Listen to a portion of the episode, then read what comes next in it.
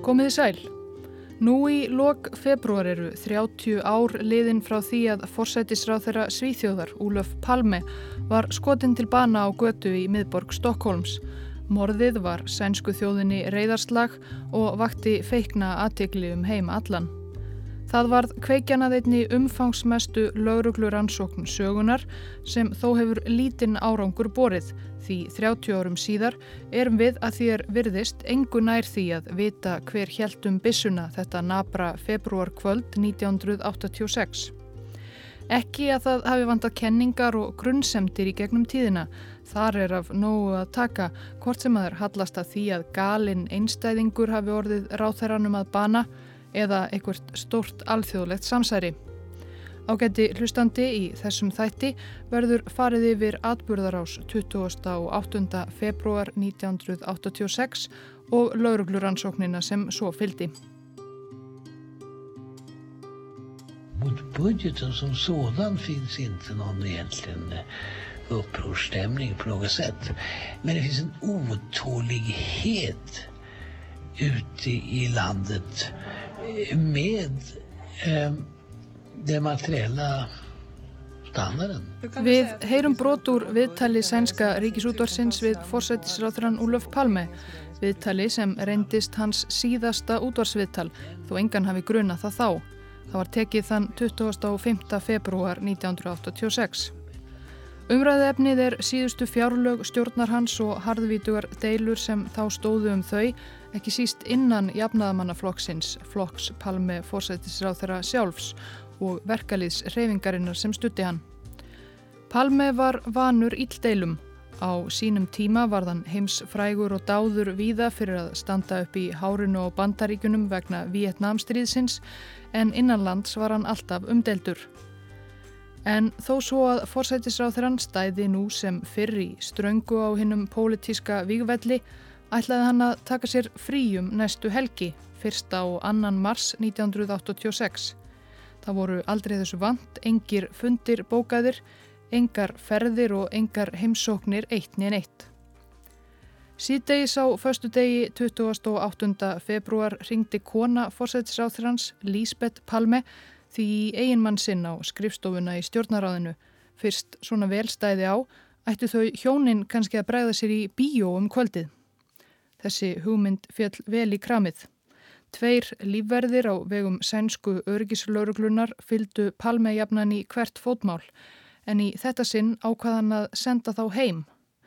Fórsætisráþurann hafði leifi til þess að fara að ferða sinna einsamall á ákveðinu svæði í miðborg Stokkólms sem lauruglan kallaði gullna þrýrningin á milli stjórnaráðsins Rúsenbad, þinghúsins og heimilis palmehjónana í Gamluborginni.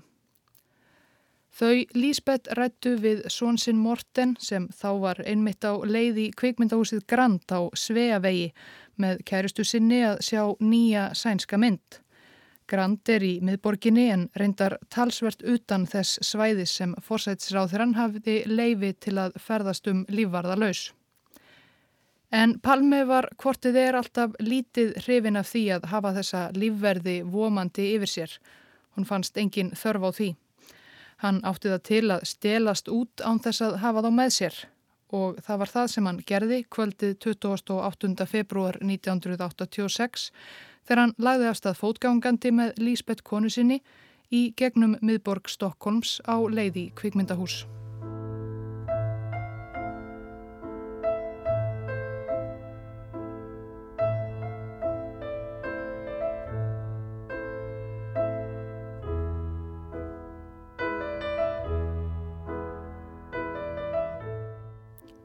Palme var ekki vanur að fara mikið í bíó. Auðvitað vakti það því nokkra aðtikli annara bíógesta að sjálfur forsætisráþeran var meðal þeirra. Engurir vildu eiga við hann orð, ræða pólitík, en Palme baðast undan. Vildi bara sjá myndina í friði og vera með fjölskyldunni. Myndin sem sínd var í kvikmyndahúsinu Grand þetta förstudagskvöld var sem fyrr segir ný sænsk mynd gamanmynd úr smiðju leikstjórans Susan Osten, Mozart bræður.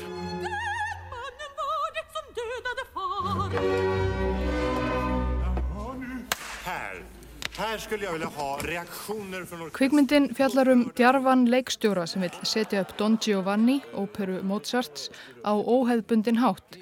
En með hugmyndum sínum fær hann flesta á móti sér, leikarana, hljómsveitina og alla.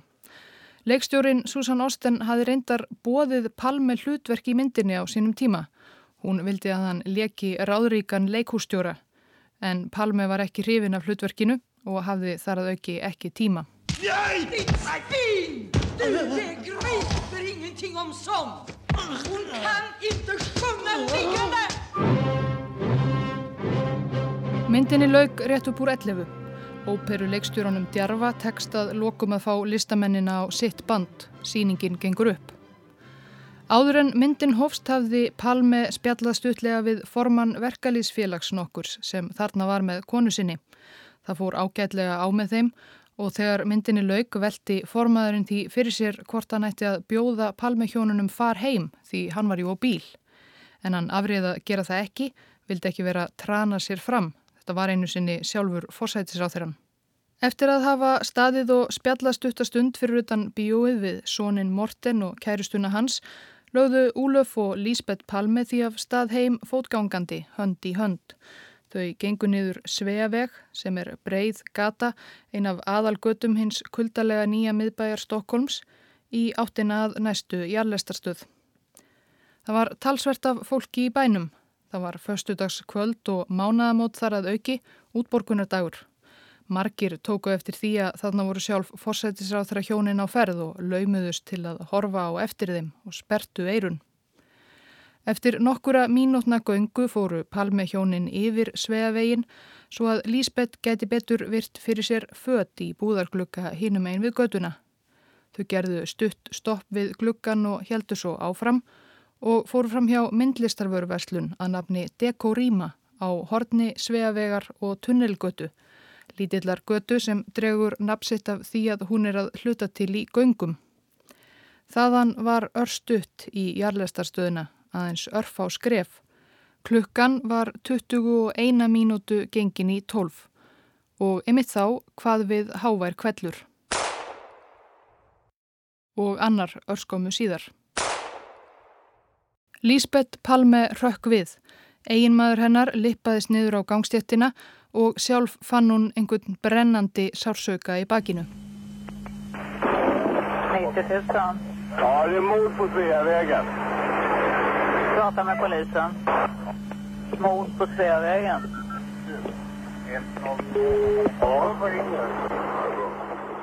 Innan við mínútu eftir að skotin riðu afbarst neyðarlínunni fyrsta tilkynningin um að eitthvað skerfilegt hefði gerst á horninu á Sveavegi og Tunnelgötu.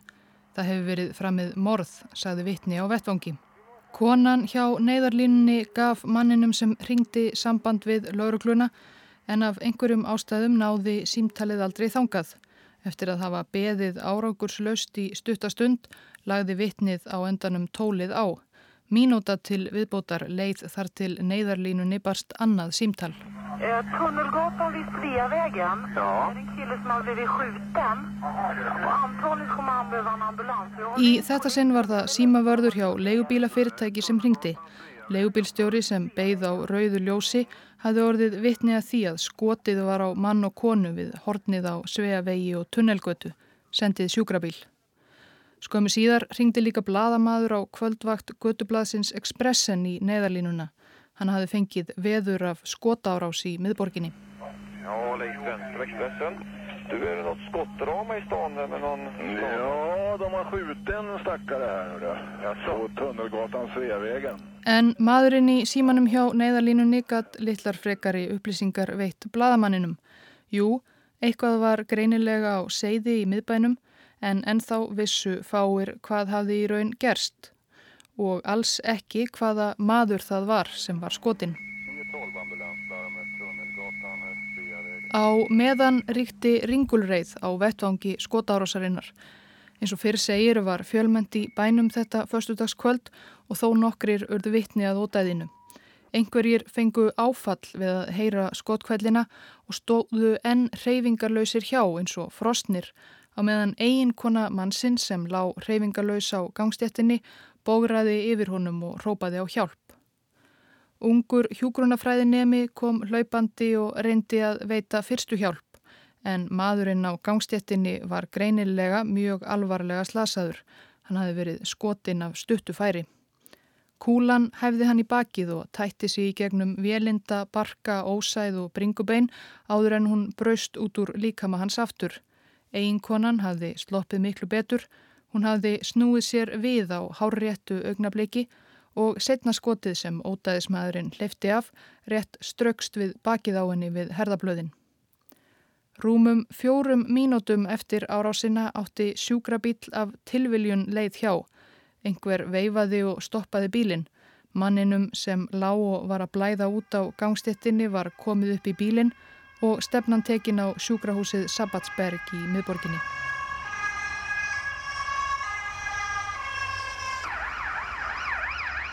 Það fór ekki fram hjá sjúkraflutningamönnunum hvaða maður var komin upp í bílinn. Olof Palme. Vad sa? Palme. Olof Palme. Já, þetta er sant. Sjúkrabílinn brunaði með ljósum og sírennu á Sabbatsberg en það var um seinan. Sennilega var það alltaf um seinan.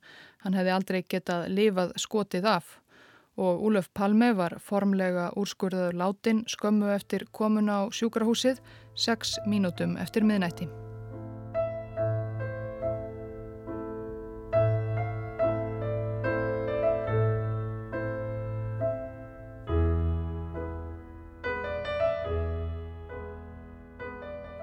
Sjö mínútum síðar fekk sænska fréttastofan TT það staðfest hjá yfirvöldum að forsættisráð þeirra Svíþjóðar hefði verið skotin til bana og götu í höfuborginni.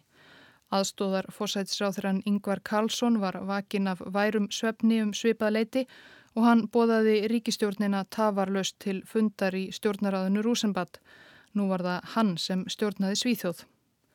Það leið þó nokkuð og beigð þar til fréttin af morðinu og Úlöf Palme barst sænskum almenningi formlega. Þar sem engin næturfréttamaður var á vakt á sænska ríkisútvarpinu á þessum tíma. Það var ekki fyrir en óbreytur næturvaktmaður í útsendingu fekk símtal hvað í ósköpunum hann væri nú að spila þessa poptónlist þegar talað væri um að forsætisráþurann hefði verið myrtur.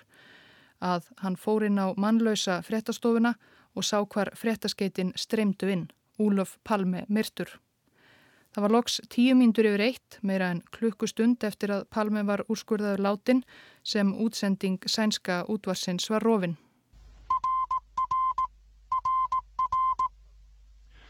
Sveriges statsminister Olof Palme är död. Han sköts ikväll i centrala Stockholm. Frettinnar vöktu að sjálfsögðu aðtegli um heim allan. Breska ríkisútvarpið og fleiri erlendir miðlar voru meira að segja á undan sænska útvarpinu með frettina en það hafðu þeir vaktað skeitin betur.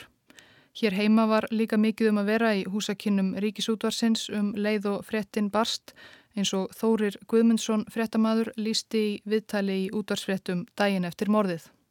Þessar frettir koma á skeiti frá frettastofunni sem var reyndar bara einn lína. Eh, það er bárust fimm minútum fyrir miðnætti. Eh, á því frettaskeiti stóð einungis að laurugla verið að kanna frettir um að Malmi, Palmi hefði verið myrtur, ekkert annað. Þessar frettir tókst að setja í frettatíma klukkan 2 minútur yfir 12 þegar tíminu var þegar byrjaður. Síðan strax á eftir hringdum við í fréttaréttur útvarps í Svítjóð, Stefán Jóhann Stefánsson, sem sagði okkur að það væri staðfest að Palmi hefði verið myrtur í miðborg Stokkólms. Þegar þessi staðfesting var komin var ákveðið samráði við fréttastjóra, Margreði Indriðadóttur, að rjúfa dagskrá og segja fréttunar. Þetta var um tíu mínútur yfir tólf, rúmum tveimur tímum eftir að árásin var gerð og klukkutíma eftir að Palmi ljesta á sjúkurhósi í Stokkólmi.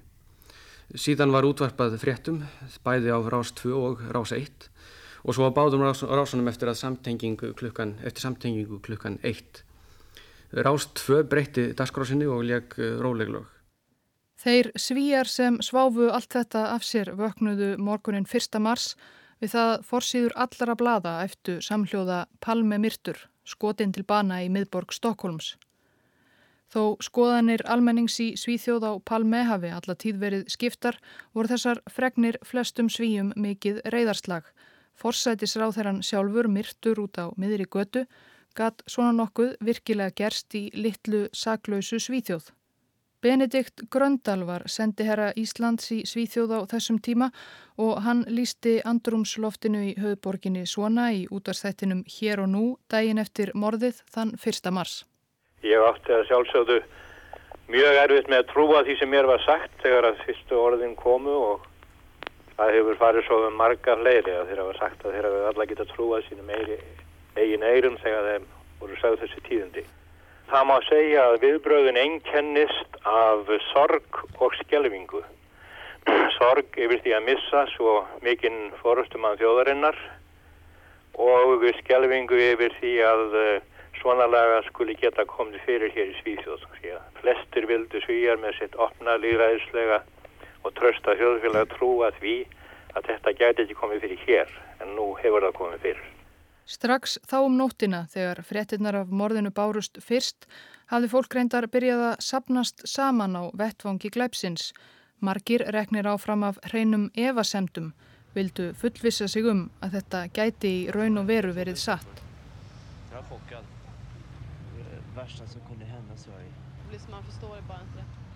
Lörgla hafði girt svæðið af en vel mátti sjá stóran dökkrauðan blóðpoll á ísilaður í gangstjættinni. Einhverjir vegfærendur höfðu meðferðis rauðar rósir sem þeir kostuðu að podlinum. Vettvangurinn átti svo gott sem eftir að fyllast af blómum.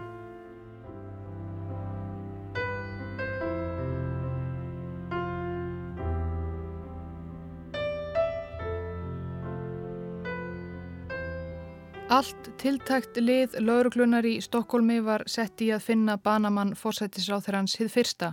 Öllum öðrum rannsóknum og öllum öðrum verkefnum lauruglunar yfir leitt var ítt til liðar. Samt sem áður þykir mörgum að rannsókn sænsku lauruglunar hafi einnkenst af klúðri frá fyrstu stundu. Akkuru var til dæmis ekki stærra svæði girt af og passaði upp á að þar var ekki stöðugur ströymur forvitins eða sirkjandi mannfjölda. Ekki hægt að útiloka að þar hafi mikilvæg sönnunargögn glatast. Vettvangur morðsins var í raun ekki rannsakaður fyrir en daginn eftir þegar hundruð eða jáfnvel þúsundir höfðu farið þar um. Það voru ekki eins og lauruglumenn sem loks fundu bissukúlurnar tvær sem höfðu hæft Úlof og Lísbeth Palme heldur gangandi vekkfærendur að snutta í snjónum við morstaðinn. Kúlurnar voru í raun einu áþreifanlegu ummerkin sem nokkuð tíman fundust um morðingjan. Af þeim mátti ráða að banamaður Palmes hafði líklega haldið um vopnaf gerðinni Smith og Wesson Magnum með hlaupvít 357. Það var nokkuð algeng skambisa í Svíþjóð á þessum tíma. Mörg hundruð voru á skrá viðsvegar um landið. Eftir því sem lengra líður frá morðinu á Palme en lauruglan hefur komist litlu næri því að finna morðingjan, hefur meira púður verið sett í að reyna að finna morðvopnið. Finnist það, ætti það jú vonandi að geta bent á hins seka. Sænska lauruglan hefur rannsakað meira en 500 Smith og Wesson 357 í gegnum tíðina og enn er verið að leita. Af og til dúka upp ný hugsanleg morðvopn Þannig báru síðast fyrir nokkrum vikum fregnir af því að áður órannsökuð bissa af þessari gerð væri til rannsóknar hjá tæknideild ríkislauruglunar. Það var profesor í afbrótafræðum og kunnur sjóarsmaður Leif G.V. Persson sem létt lauruglu þá bissu í tje. Hann hefur lengi látið sig palme morðið varða og segist hafa fengið bissuna í gegnum naflausa en áreiðanlega ábendingu. En niðurstöður rannsóknar á vopninu reyndust ekki afgerandi, hvorki afni á.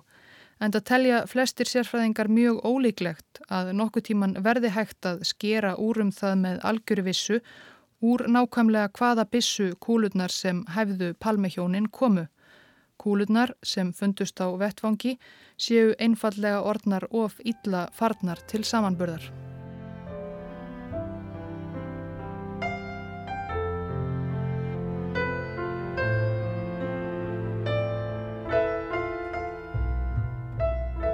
En mikilvægast hlýtur að vera að komast að því hver það var sem hjælt um morðvopnið þetta síðasta kvöld februarmánaðar 1986. Þótt þó nokkrir hafi orðið vitni að morðinu voru vitnisspurðirnir flestir óljósir. Engin hafi séð morðingjan greinilega. Besta vitnið hlautað vera Lísbeth Palme sem stóð þjætt við hlið einmann síns þegar skotið reyð af og var sjálf nærri fallin fyrir hendi morðingjans. Í skýrslu lauruglunar af fyrstu yfirheyslu Lísbeth Palme dægin eftir morðið segir Frú Palme síndist maðurinn vera um færtugt, um 180 cm hár, þéttur vexti og með stuttan háls. Hann var dökkur en ekki beint á söðrannan hátt, heldur dökk herður. Hann var klættur í bláa, frekar þvælda úlpu sem náði honum rétt niður fyrir mitti. Hann var í dökkum, líklega gráum buksum. Að öðru leiti tók frú Palme ekki eftir neinum smáadriðum, hvorki hvað varðaði útlít hans, nýja klæðaburð. Eftir að hann hafði skotið þau bæði hljóp þessi dökkleiti maður í bláu úlpunni af stað upp tunnelgötu. Þaðan mátti ráða af framburði annara vitna á vettvangi, stökk maðurinn upp tröppurnar sem liggja upp í næstu götu. Svo var hann horfin sjónum að eilifu.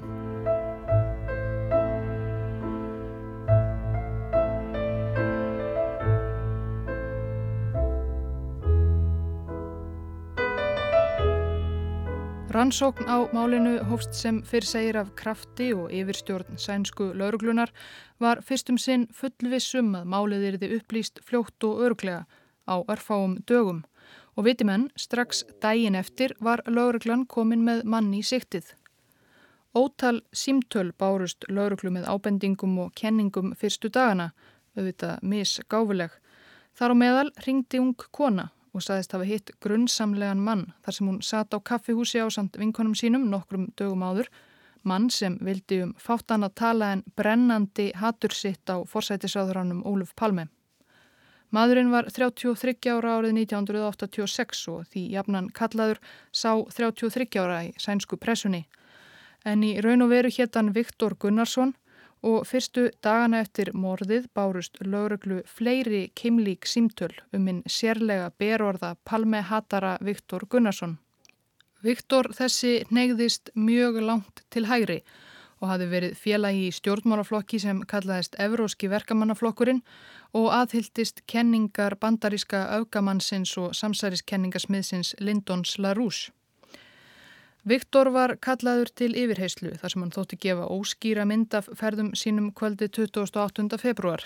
Mörgum vittnum að morðin á Palme þótti hann líka líta kunnuglega út.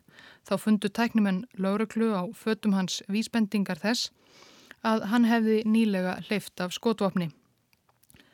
Reyndar var allatíð ómögulegt að segja hvers konar skotvapni Viktor hafði hugsanlega hleyft af og allar niðurstuður teknideildarinnar voru mjög þókukendar. Framburður vittnanna sömur leiðist reyndist í miður þegar betur var að gáð, heldur ekki eins afgerandi og virsthaði í fyrstu. Viktor Gunnarsson sem neytaði ætíð sög var því fljótlega látin laus úr varðhaldi og rannsókn á hugsanlegum þætti hans í morðinu og palmi var formlega látin niðurfalla um miðjan mæ 1986. Hann var ekki sá seki. Viktor flutti síðar til Norður Karolínu í Bandaríkunum þar sem hann var myrtur af afbríðusömum fyrverandi kærasta ástkonu sinnar árið 1993.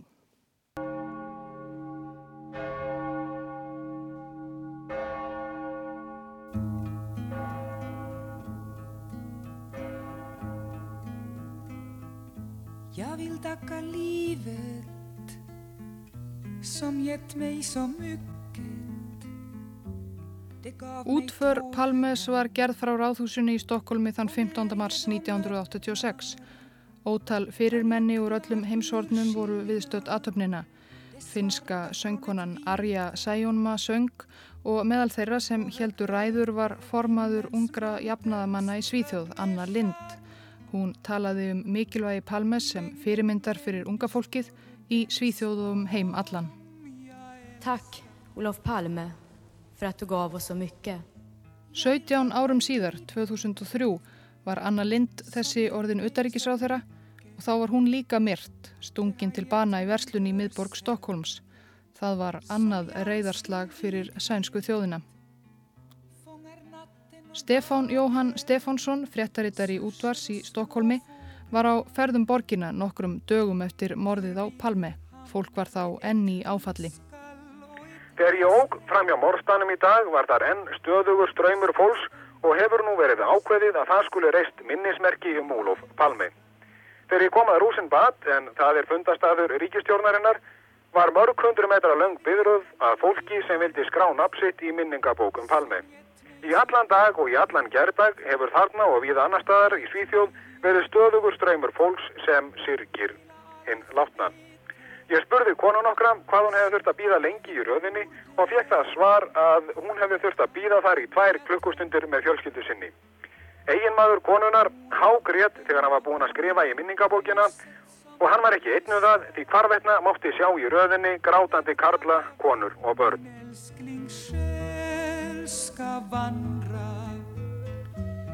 Á meðan almenningur sirði tegðist á rannsókn lauruglunar. Það reyndist flóknara en menn höfðu talið í fyrstu að finna morðingja sem hafi framið morð fyrir framann þó nokkur vitni. Því miður var kvorki hægt að kalla til Martin Beckni Kurt Wallander og dagar urðu að vikum, lauruglumenn sátu sveittir við og fóru yfir ábendingar frá almenningi sem bárust í stríðum ströymum í þúsundatali. Ekki bara um hinn grunnsamlega palmehattara Viktor Gunnarsson heldur bárust einnig ábendingar um annan mann sem gæti verið morðingin. Nu ska vi ut på rövarstråt, ja vi ska ut och röva. Vi rövar vad vi kommer åt och vad vi kan behöva. Vi rövar runt på stad och land. Það var ógæfumadur frá Sollentúna í nágræni Stokkólms að nafni Krister Pettersson sem hér heyrist syngja ræningavísur Kardimumbæjarins.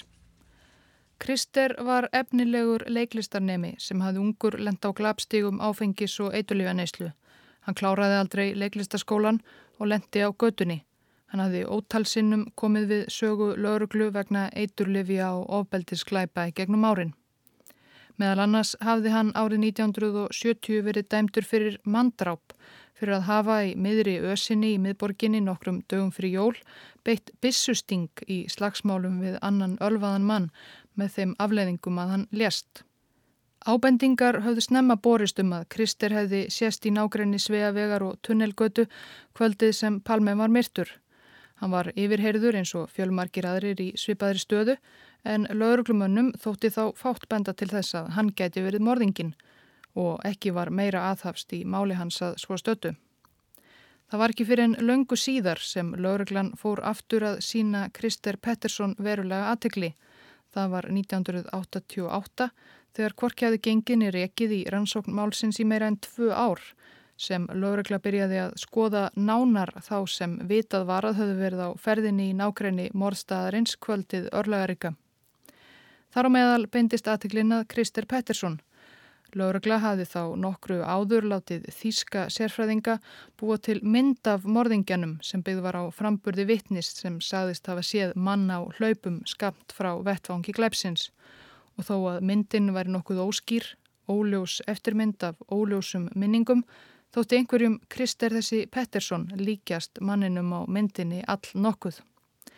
Lauraglan fór því að kanna Pettersson og fylgjast með honum Þegar þarna var komið sögu var hann orðin 41 ás, enn í sömu óreglurni og hann hafi verið mestanpart dæminar. Þann 14. desember 1988 var Krister Pettersson Loks kallaður til yfirheyslu. Sama kvöld var Lísbeth Palme kölluð á laurugstöðuna til að taka þátt í sakbendingu.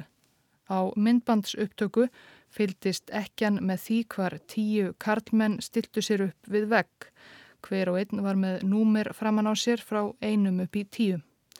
Þetta voru mennum færtugt, klættir í gallabugsur og peysur, flestir með yfirvaraskegg, sumir nöður rakaðir. Þetta voru allt lauruglumenn nema einn. Meðal mannana var líka Krister Pettersson, klættur í munstraða prjónapeysu og gallabugsur. Hann var númer átta í uppstillingunni. Meira en tvö og hálft ár var liðið frá februarkvöldinu 1986 þegar Palme var myrtur. Lísbeth horfi af aðtikli á myndbandsupptökuna, virti mennina vel fyrir sér, hugsaði sig svo um stundarkortn velti vöngum og benti svo á eitt þeirra. Það var áræðanlega þessi, þessi nummer átta.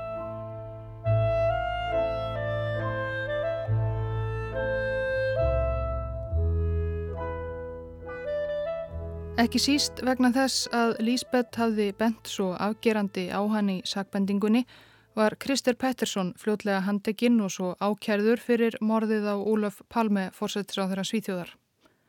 Hann neytaði sög. Hann játaði að jú, hann hafi verið að þvælast á þessum slóðum í miðborg Stokkólums kvöldið 28. februar 1986 og fjárvistasönnun hans var ekkert til að rópa húra fyrir. Hann saðist að farið á ólögulegan spilaklúp, Uxan, sem þá var starfræktur í nákrenni Sveavegar. Þaðan hafði leið hans oft leið á þessum tíma, yfirleitt til að retta sér fíknefnum. Fyrir miðnætti hefði hann þó verið komin heim til sín í Rútebrú, útkverfi Stokkólms. Þetta átti félagi hans sem einnig var í íbúðinni að vitna um, en sá taldi sig reyndar ekki vera alveg vissan um nákvæmlega hvenar Pettersson hefði komið heim þá um kvöldið. Í domsal játaði Pettersson ennfremur að hann hefði vissulega framið ímsa glæpi og meira segja drepið mann sem hann hefði verið dæmdur fyrir næri tveimur áratugum áður. En hann væri þó engin morðingi. Ég er altså um, en drópare, menn ég er ingen mördare. En eftir því sem á leið varð Lísbeth Palme bara vissari í sinni sögum að Krister Pettersson Rónin sem eitt sinn þótti svo feikilega efnilegur leiklistanemi væri maðurinn sem réðst á þau hjónin fyrir utan myndlistaföru veslunin á Sveavegi. Ímislegt í fari morðingjans virtist hafa rivjast upp fyrir henni á þessum árum sem liðin voru síðan því réttarsalnum gatt hún gefið miklu nákvæmari mynd af morðingjanum en hún gerði við fyrstu yfirheysluna í mars 1986 sér í lagi andliti morðingjans sem hún gaf nú eftirfarandi lýsingu á. Andlitið var áberandi ljóst undir nefinu, ferkantað og með kvöss kinnbein. Munnurinn var beinn. Það var einhvers konar felling í ljósa hlutanum undir nefinu eins og útstæður kjálki eða haka öllu heldur. Ögnaráðið var skerandi. Í gegnum öll réttarhöldin yfir Krister Pettersson saðist Lísbeth 100% viss um að hann væri sá seki. Annað vittni sem kallað var fyrir dómin sagðist líka hafa séð grunnsamlegan mann hanga fyrir utan kvikmyndahúsið Grand þegar síningu á Mozart bræðurum Susan Osten var nýlokið. Madurinn sá hafði síðan greinilega fyllt palmihjónunum eftir áður en hann létt til skara skrýða. Þessi grunnsamlegi madur var sláandi líkur Krister Pettersson, saði vittnið. Það sem saksóknari átti kannski hvað erfiðast með að sína fram á fyrir réttinum var hvers vegna ógæfu maðurinn Krister Pettersson hefði myrt fórsætis á þeirra svíþjóðar. Af frambörði Pettersson sjálfsadæma var hann ættið hrifin af Palme og kallaði hann einhverju sinni mesta stjórnskörung svíþjóðar. Nýheldur kom fram hvar Pettersson hefði tekist að komast yfir skotvopn. Hann var ekki þekktur fyrir að beita slíkum vopnum Yfirleitt letan nefana ráða ferðinni fyrir utan þetta einaskipti með bissustingin og hvað hafði hann séðan gert við morðvopnið. En þegar uppfarstaði skiptu þessu vavaatriði ekki öllu máli. Hérastómur Stokkólms dæmdi Krister Pettersson að endingu í lífstíðarfangelsi fyrir morðið á forsættisáð þeirra Svíþjóðar Úlöf Palme og fyrir að hafa skotið á eiginkonu hans Lísbeth. Dómurinn var reyndar ekki einróma.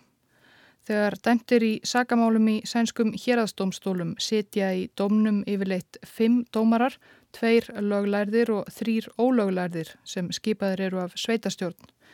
Í máli Kristur Petterssons vildu ólöglærðu dómararnir þrýr sakfella og höfðu betur gegn þeim löglærðu sem töldu ekki fullnægjandi sannanir á sekt Petterssons. Skömmu síðar áfríjaði Pettersson til áfríunar domstóls sem tók mál hans upp með höstinu.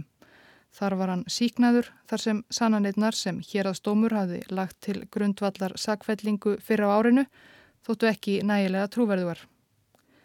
Bent var á alvarleg mistök lauruglunar, sérstaklega hvað vitnisspurð Lísbeth Palme varðaði. Meðal annars kom fram að lauruglumenn höfðu sagt Lísbeth áður en til sakbendingarinnar kom að þeir hefðu handtekið fyllibittu frá Solentúna fyrir morðið á einmanni hennar. Svo fekk hún að sjá mennina tíu, nýju lauruglumenn og einn Krister Pettersson. Sá síðastnemdi var greinilega sá sjúskaðasti, þrútin og þreytulegur og þó mennirnir væru í svipuðum fötum voru lauruglumennirnir allir í glansandi lakkskóm en Krister Pettersson hann var í skítugum strygaskóm. Jú, maður sér nú hverju fyllibittan, saði Lísbeth Palme og benti á mann nummer 8. Það var Krister Pettersson.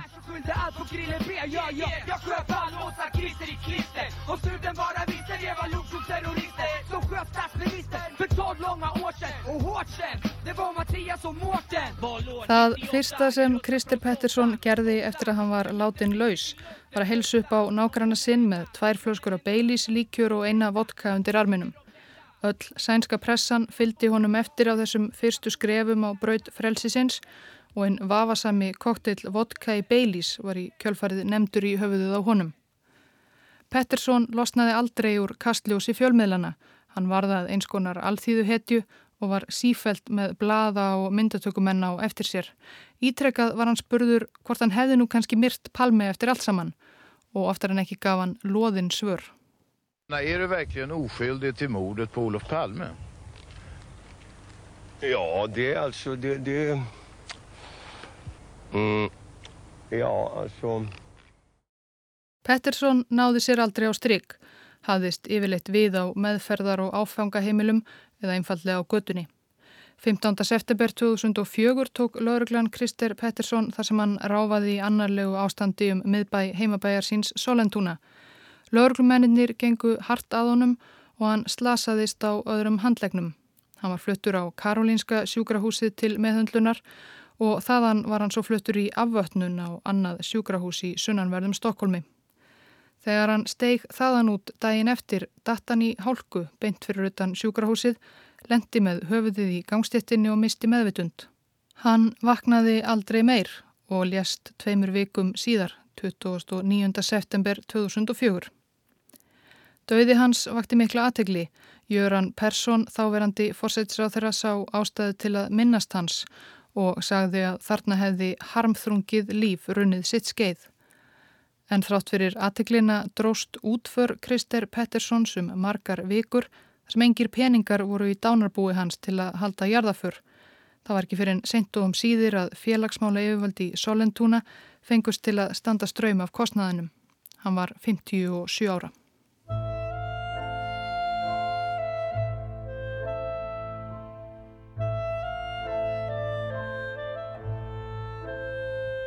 Rannsóknin á morðinu á Úlöf Palmi er lang umfangsmesta lauruglur rannsókn í sænskri sögu og sögð meðal þryggja umfangsmestu lauruglur rannsókna veraldarsögunar.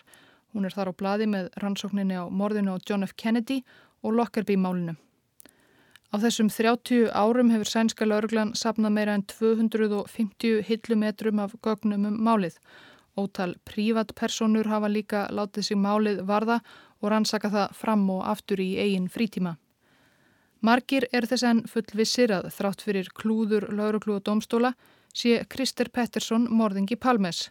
Kanski hann hafi tekið feil á forsættisáþurannum og einhverjum öðrum. Kanski hann hafi verið ráðinn til verksins.